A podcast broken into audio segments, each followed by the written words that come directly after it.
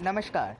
आप सुन रहे हैं हिंदू धर्म की महान कथाएँ पीयूष गोयल की आवाज़ में।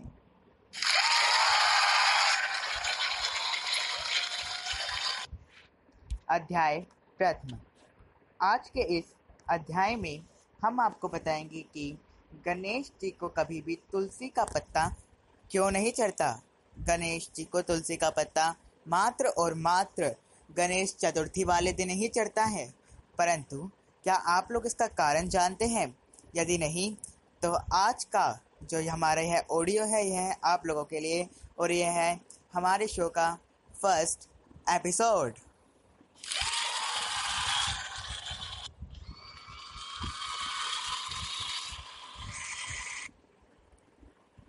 तो चलिए, अब हम शुरू करते हैं। भगवान गणेश को प्रथम पूज्य कहा जाता है। वही तुलसी को भी हिंदू धर्म में देवी का दर्जा दिया जाता है। तुलसी हरि प्रिया है पर श्री गणेश को, पर श्री गणेश को, इसको तुलसी का पत्ता नहीं चढ़ाया जाता। उन्हें सिर्फ़ और सिर्फ़ गणेश चतुर्थी वाले दिन ही तुलसी का भोग चढ़ाया जाता है। ऐसा क्यों होता है? आइए जानते हैं हमारे प्रथम अध्याय में जिसका शीर्षक है तुलसी और गणेश की कथा। इस कथा का शुभारंभ वहाँ से होता है जब गणेश और कार्तिकेय में इस बात पर विवाद छिड़ता है कि किसका विवाह पहले होगा। गणेश जी कहते हैं कि मैं प्रथम पूज्य हूँ, इसलिए मेरा वर, इसलिए मेरा विवाह ही पहले होगा। कार्तिकेय कहते हैं, मैं बड़ा हूँ, इसलिए मेरा विवाह पहले होगा। दोनों इस प्रकार विवाद में उलझे रहे। बहुत समय तक विवाद चलता रहा, पर कोई किसी निष्कर्ष पर ना पहुँचा। तभी देव ऋषि नारद वहाँ पर प्रकट हुए। देव ऋषि ने कार्तिकेय और गणेश से लड़ाई का कारण पूछा। तब कार्तिकेय व गणेश कह बताते हैं कि हमारे मध्य में इस बात पर विवाद है कि किसका विवाह पहले हो। गणेश कह रहा है कि उसका विवाह पहले हो और मैं, अर्थात कार्तिकेय, कहता हूँ कि मेरा विवाह पहले हो और मेरे अनुसार, अर्थात कार्तिकेय के अनुसार, कार्तिकेय का विवाह ही पहले होना चाहिए, क्योंकि कार्तिकेय ज्येष्ठ हैं। देव ऋषि मुस्कुराए और उन्होंने नारायण नारायण कहकर अपनी बात कहना आरंभ करा। वह बोले, हे प्रथम पूज्य, वह हे गौरी नंदन कार्तिकेय, आप लोग तो एक बालकों, आप लोग तो बालकों की भांति झगड़ रहे हैं। मुझे तो आपके इस झगड़े का कोई उपयुक्त कारण भी नज़र नहीं आ रहा है। कार्तिकेय और गणेश ने बड़े ही आश्चर्यता से देव ऋषि की ओर देखा। देव ऋषि और देव ऋषि से कार्तिकेय ने पूछा, हे देव ऋषि आप ऐसा क्यों कह रहे हैं? तब देव ऋषि बोले, हे कार्तिकेय, आप तो जानते ही हैं, आप भगवान शिव और माता गौरी के पुत्र हैं।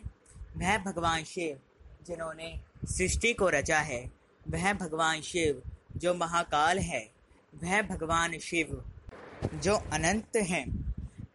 वह भगवान शिव, जिनके लिए इस धरती की कोई भी समस्या समस्या नहीं है, क्योंकि वह तो स्वयं ही संकट निवारक है और विघ्नहर्ता स्वयं जिनके पुत्र हो फिर उनको तो कैसा विघ्न? इसलिए उन्हें आपकी समस्या सुलझानी होगी। इसलिए देव ऋषि का यही सुझाव है कि आप दोनों जाकर भगवान गौरी शंकर से इसका निवारण मांगे। तब गणेश व कार्तिकेय दोनों ने ऐसा ही किया। गणेश और कार्तिकेय दोनों अपने माता पिता के पास गए और इस विवाद को सुलझाने के लिए कहा। तब गौरीशंकर एक दूसरे का मुँह देखने लगे। भगवान शिव मुस्कुराए। वहाँ माता पार्वती भी मुस्कुरा रही थी। यह देखकर कार्तिकेय आवेश में बोले, पिताश्री, माताश्री, यहाँ पर हम किसी निष्कर्ष पर नहीं पहुँच पा रहे हैं और आप मुस्कुरा रहे हैं। ऐसा ना करिए। कृपया कर कर हमें अपनी इस मुस्कुराहट का कारण बताएँ। कारण बताएँ। यह मेरा आपसे अनुरोध है और यह भी कि हमारे इस विवाद को सुलझाने में भी हमारी सहायता करे। हे भगवान। भगवान शिव ने माँ पार्वती को देखा। तब वह माँ पार्वती समझ गई कि भगवान शिव के मन में अवश्य कुछ चल रहा है। फिर भगवान शिव अपने, भगवान शिव ने अपने दोनों पुत्रों को देखा और कहा, हे पुत्रों, तुम दोनों का ही तर्क उचित है, परंतु उसका विवाह पहले होगा। जो श्रेष्ठ होगा। कार्तिकेय बोले, मैं बड़ा हूँ, इसलिए मैं ही श्रेष्ठ हूँ। तब शिव मुस्कुराए और बोले, हे कार्तिकेय कोई ज्येष्ठ होने से श्रेष्ठ नहीं होता। श्रेष्ठ होने के लिए तुम्हें परीक्षा देनी होगी। कार्तिकेय ने परीक्षा के विषय में जानना चाहा। तब भगवान शिव बोले, हे पुत्र, तुम दोनों त्रिलोक की परिक्रमा कर कर आओ। जो भी तीनों लोकों की परिक्रमा सर्वप्रथम करेगा, उसका ही विवाह पहले होगा। यह बात सुनकर कार्तिकेय खुश हुए, क्योंकि वह जानते थे कि उनका वाहन मोर है, और मोर उन्हें अति शीघ्रता अति शीघ्रता से त्रिलोक की परिक्रमा करवा देगा। परंतु श्री गणेश का वाहन मूषक था, और मूषक की गति अति धीरे होती है, और श्री गणेश भी शरीर से भारी थे।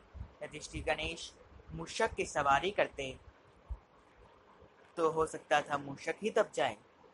तब श्री गणेश अति चिंतित में इधर उधर टहलने लगे, परंतु श्री गणेश चातुर्य और बुद्धि के स्वामी हैं, इसलिए उन्होंने अपने ही पिता द्वारा बताई गई एक युक्ति सोची भगवान शिव ने कहा था गणेश जी से व कार्तिकेय से कि गणेश और कार्तिकेय तीनों लोगों से भी श्रेष्ठ माता पिता हैं। तब श्री गणेश ने ऐसा ही किया। उन्होंने अपने माता पिता की परिक्रमा करी, क्योंकि माता पिता को त्रिलोक से भी श्रेष्ठ शास्त्रों में बताया गया है। तब श्री गणेश विजयी हुए, जब कार्तिकेय वापस लौटे और उन्हें गणेश की विजय का संदेश मिला। तब वह रुष्ट होकर कैलाश को त्याग कर दक्षिण की ओर चले गए। यहाँ पर इस कथा का एक अध्याय समाप्त होता है।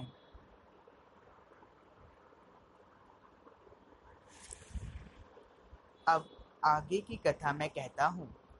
गणेश जी इसके लिए स्वयं को जिम्मेदार मानने लगे। गणेश जी सोचने लगे कि मेरे ही कारण ऐसा हुआ है। मेरे कारण भैया कैलाश छोड़कर चले गए। मेरे ही कारण भैया मेरे ही कारण भैया के शोक में माता व्याकुल हो रही है। इन सब का दोषी मैं हूँ। इसलिए इन सब बातों से व्यथित होकर श्री गणेश ने आजीवन अविवाहित रहने का फैसला लिया और वह भी कैलाश छोड़कर चले गए।